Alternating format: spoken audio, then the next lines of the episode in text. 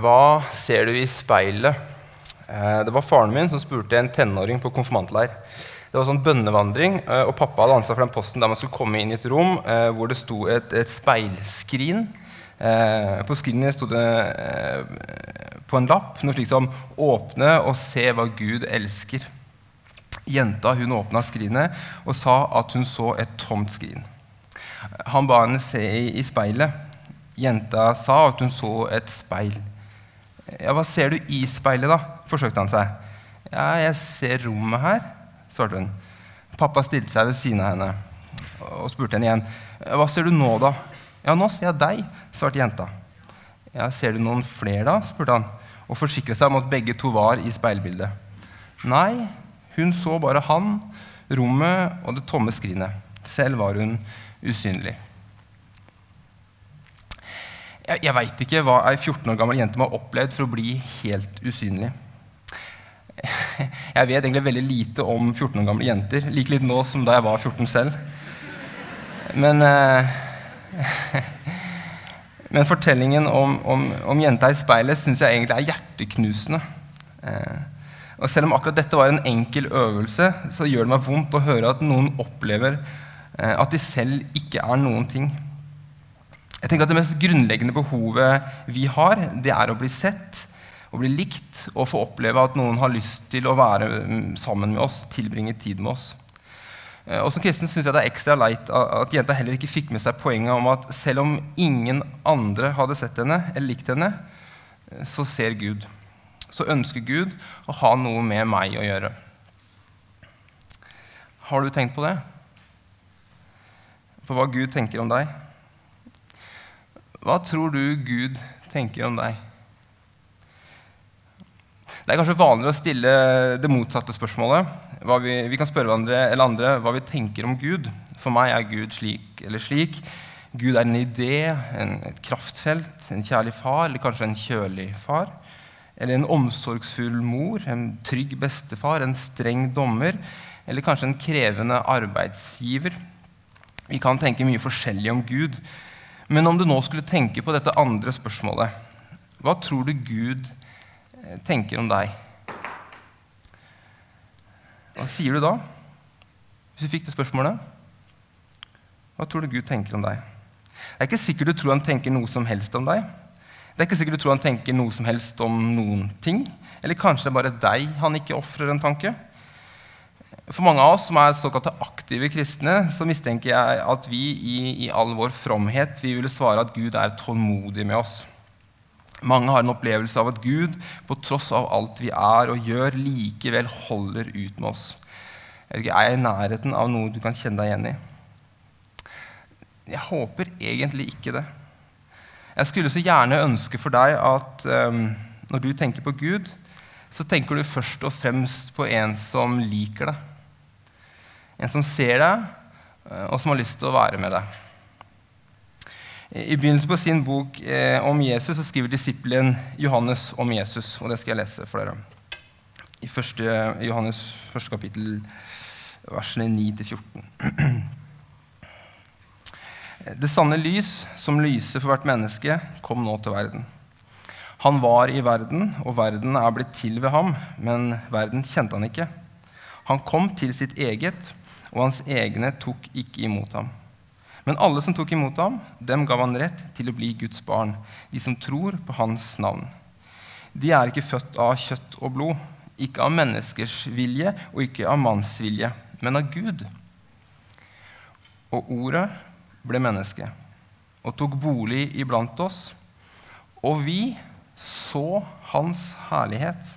En herlighet som den enbårne sønn har fra sin far, full av nåde og sannhet.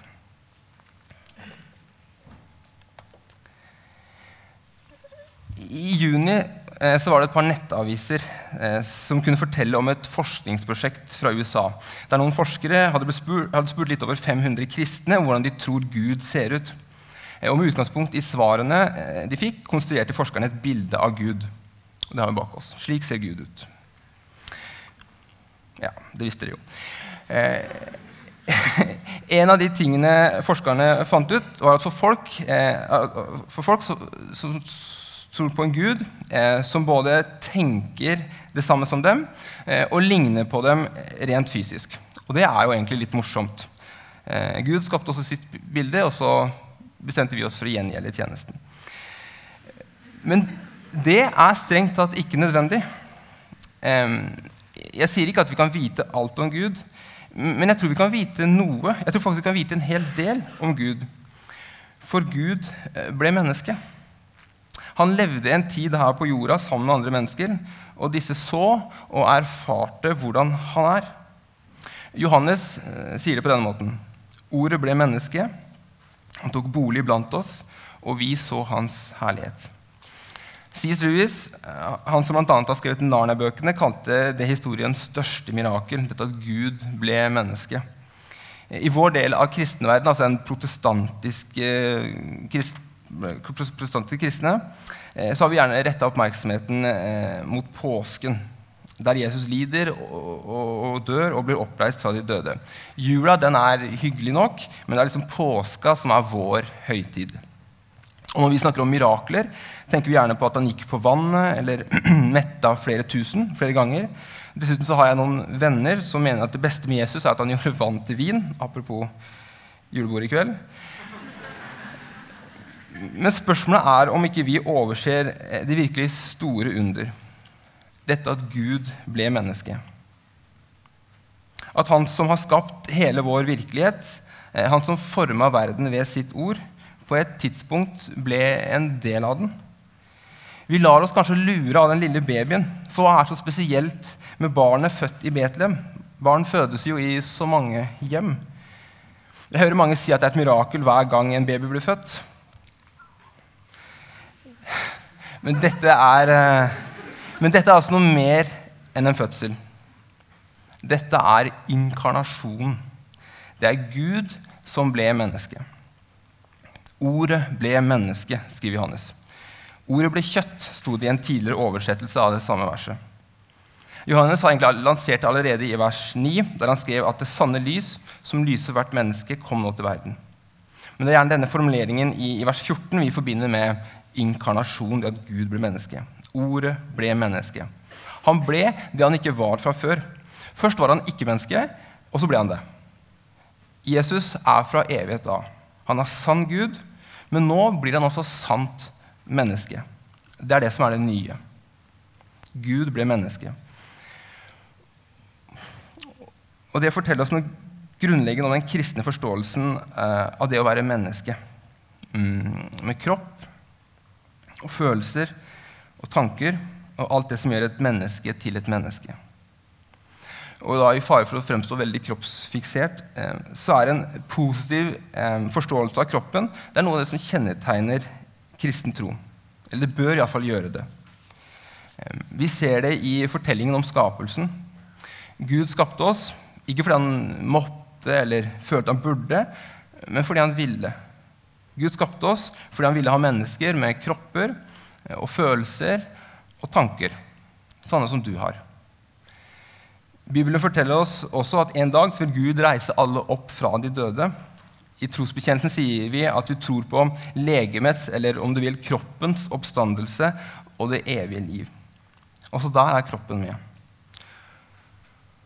Og når Gud selv vil frelse oss, eh, så gjorde han det ved selv å få en kropp. Ved selv å bli et menneske med kropp, følelser og tanker. Eh, for de fleste religiøse mennesker opp gjennom historien er dette egentlig en bevegelse i feil retning. Vi skal helst gå fra kjøtt til ånd, ikke motsatt vei.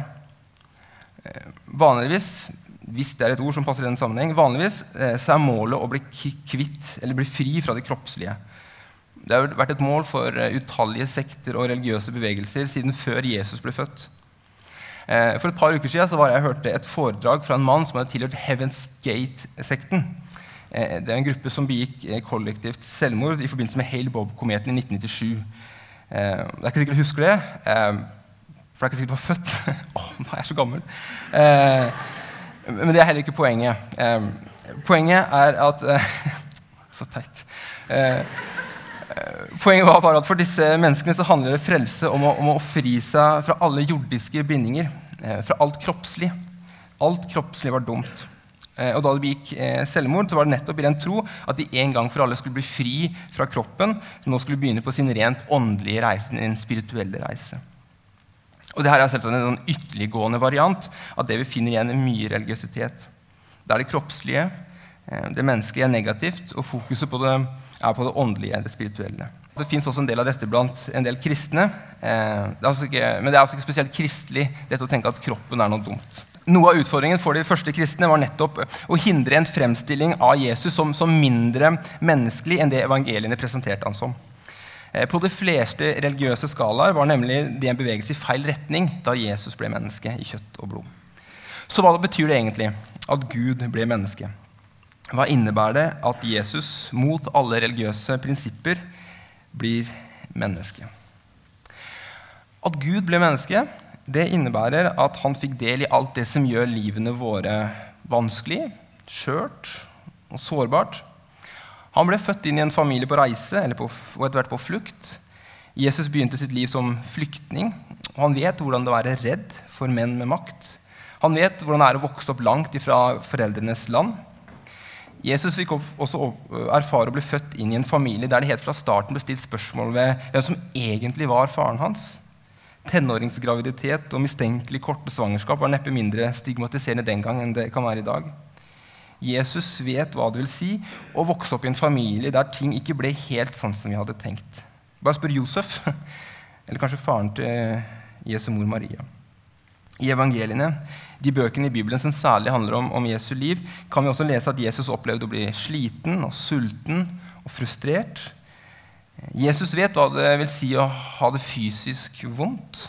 Han ble piska, han ble utsatt for det vi i normale omstendigheter vil kalle et, eh, et justismord.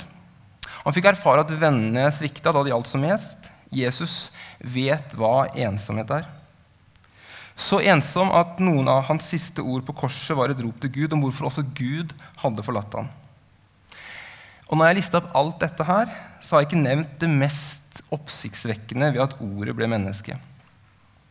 Jesus var et foster. Det fins vel knapt noe mer sårbart og utsatt i vår verden enn å være et foster. Og Dette er ikke et forsøk på å gjøre et billig poeng av det som helt sikkert var en krevende avgjørelse for deg og kjæresten din.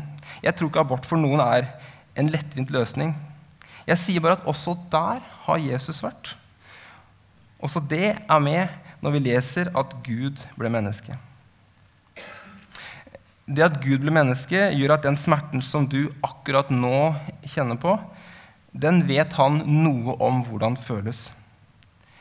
Fordi det å være et menneske med alt hva det innebærer, det kjenner Gud til.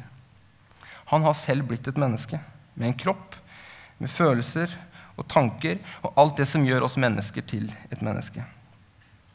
Derfor kan du og jeg vi kan henvende oss til en empatisk Gud som vet hva det vil si å være ensom, på flukt fra krig, eller kanskje fra noen som vil gjøre deg til noe du ikke er.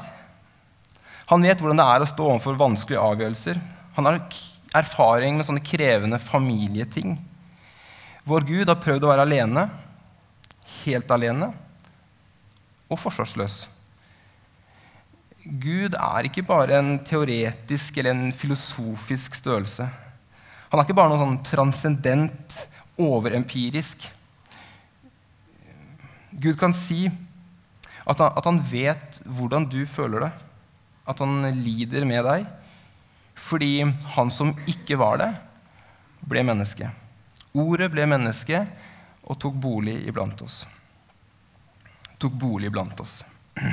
Det er den samme formuleringen som blir brukt om dette møteteltet i Det gamle testamentet. Eh, da israelsfolket ble satt fri fra slaveriet i Egypt, Eh, så var Gud med sitt folk, og så møtte Gud sitt folk i, i det såkalte møteteltet i tabernaklet. Eh, og nå skriver altså Johannes at ordet ble menneske og tabernaklet iblant oss. Det handler om nærvær og om nærhet. Eh, som en rød tråd gjennom bibelhistorien handler det om Guds nærvær. Det var Guds nærhet Adam og Eva hadde, men mista da de ble forvist fra hagen. De falt bort fra et liv med Gud, bort fra et liv i Guds nærhet.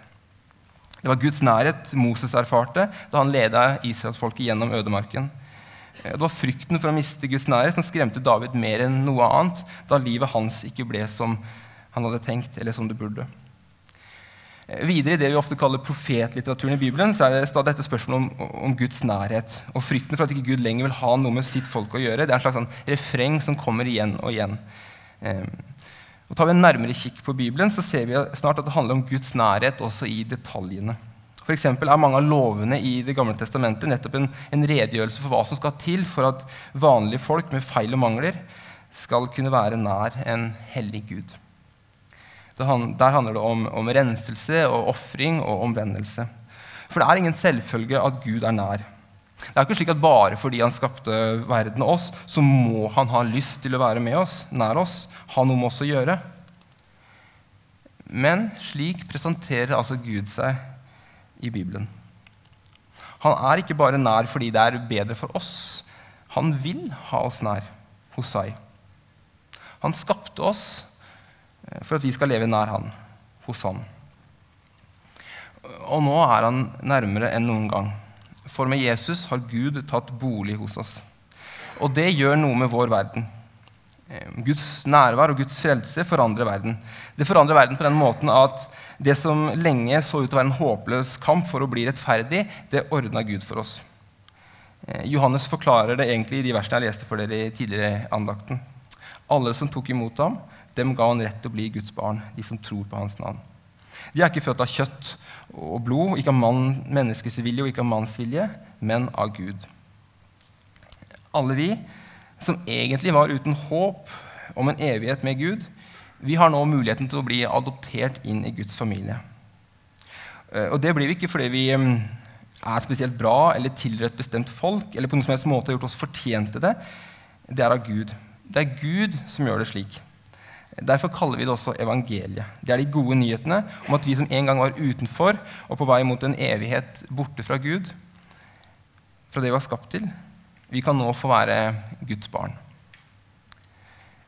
Hvis du lurer på hva Gud egentlig synes om deg, så har du strengt tatt svaret her. Gud vil ha deg i sin familie. Det at Gud blir en del av vår verden, eller for å si på en annen måte, det at mennesket tillegges en så stor verdi gjennom hele bibelhistorien, eh, det preger også historien på en annen måte. Jeg hørte en podkast eh, forrige helg der det ble gjort et poeng av at e- evangeliet det former kulturer, kulturen. Eh, mennesket har en tendens til å miste verdi eller ha lav verdi der evangeliet er ukjent, eller der evangeliet mister sin innflytelse, ble det påstått. Og så ble det gitt flere historiske, historiske eksempler på, på, hva det har betydd at kristendommen fikk innflytelse.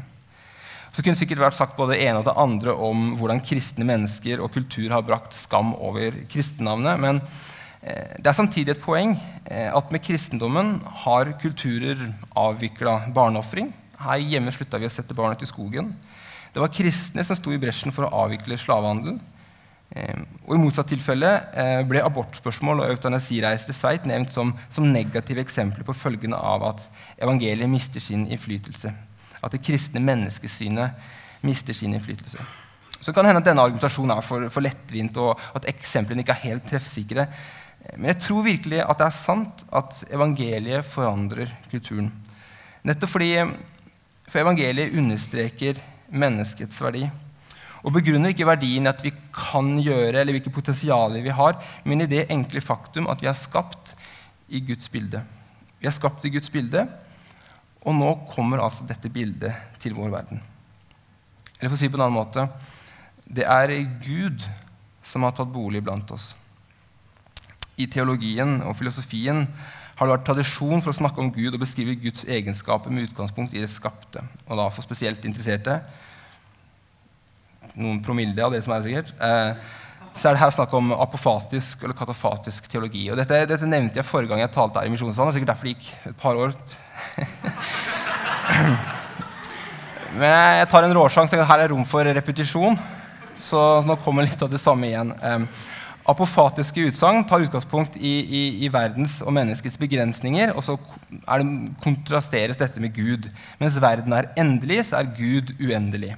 Mens vi mennesker er underlagt tiden, er Gud evig. Så det katafatiske eh, utsagnet om Gud eh, har det, samme utgangspunktet i det skapte. Og så slutter man logisk videre fra dette at Gud er den perfekte utgaven av dette. Mens vi kan være gode, er Gud absolutt god. Mens vi kan ha makt, er Gud allmektig.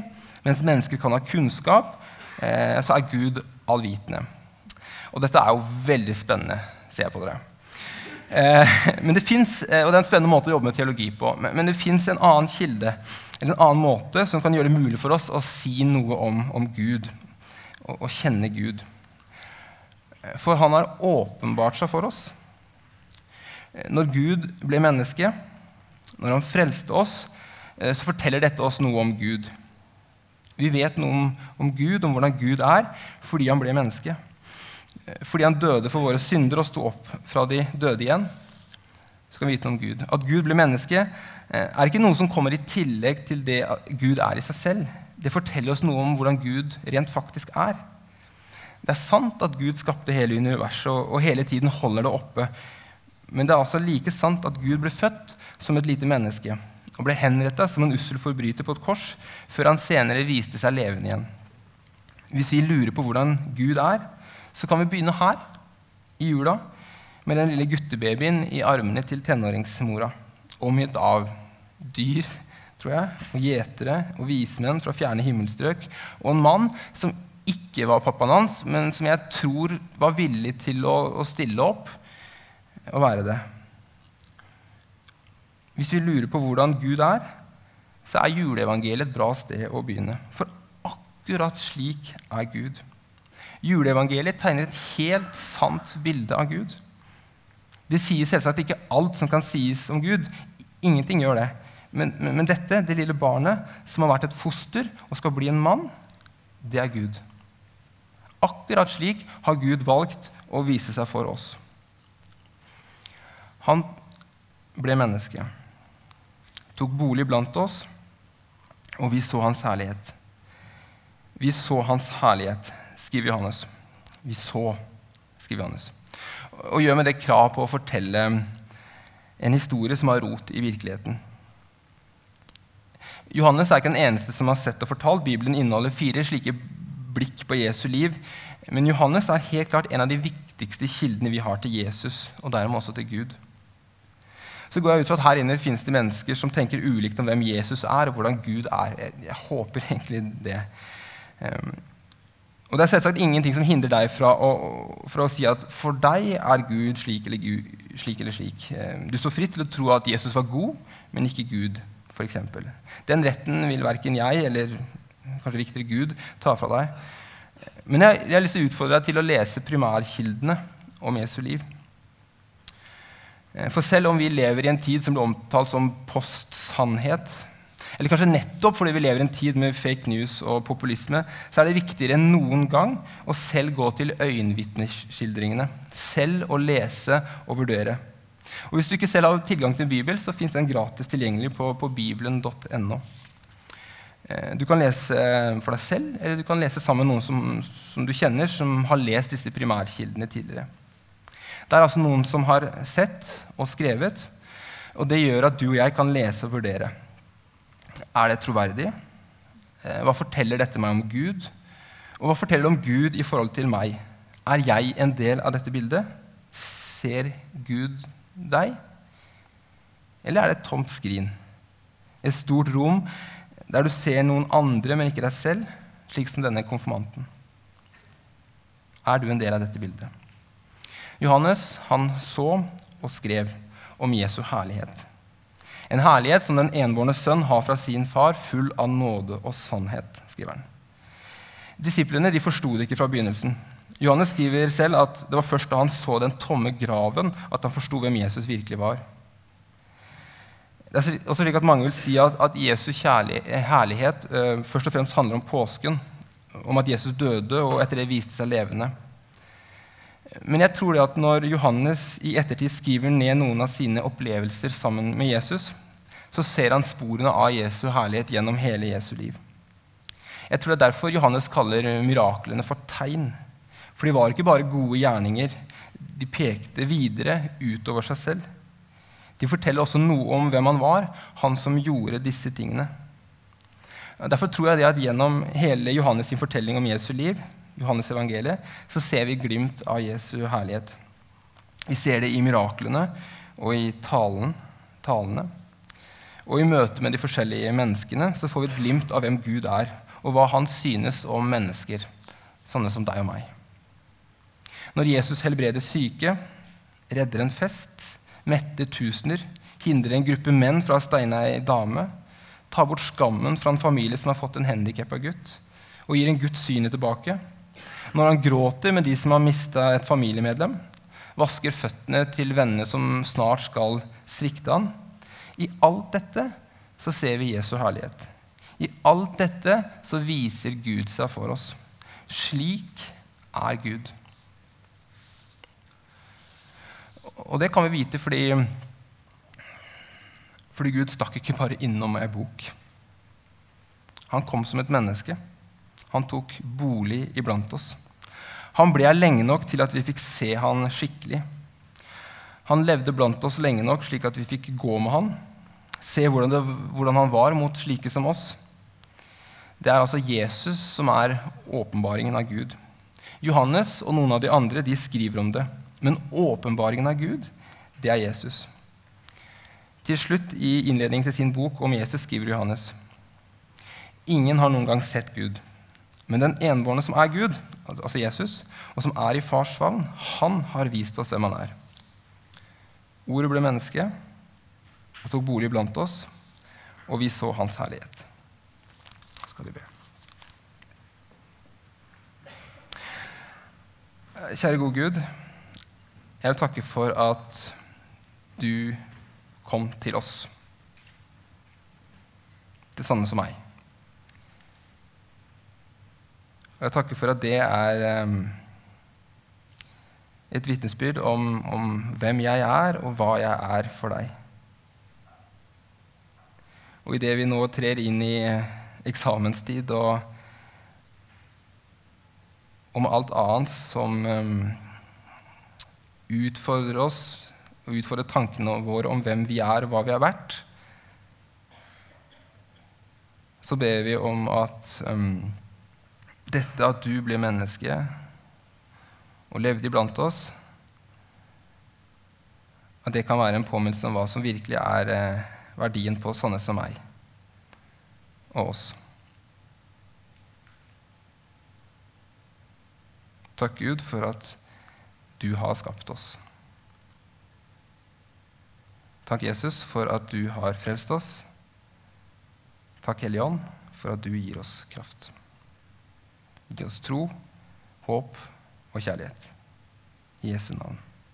Amen.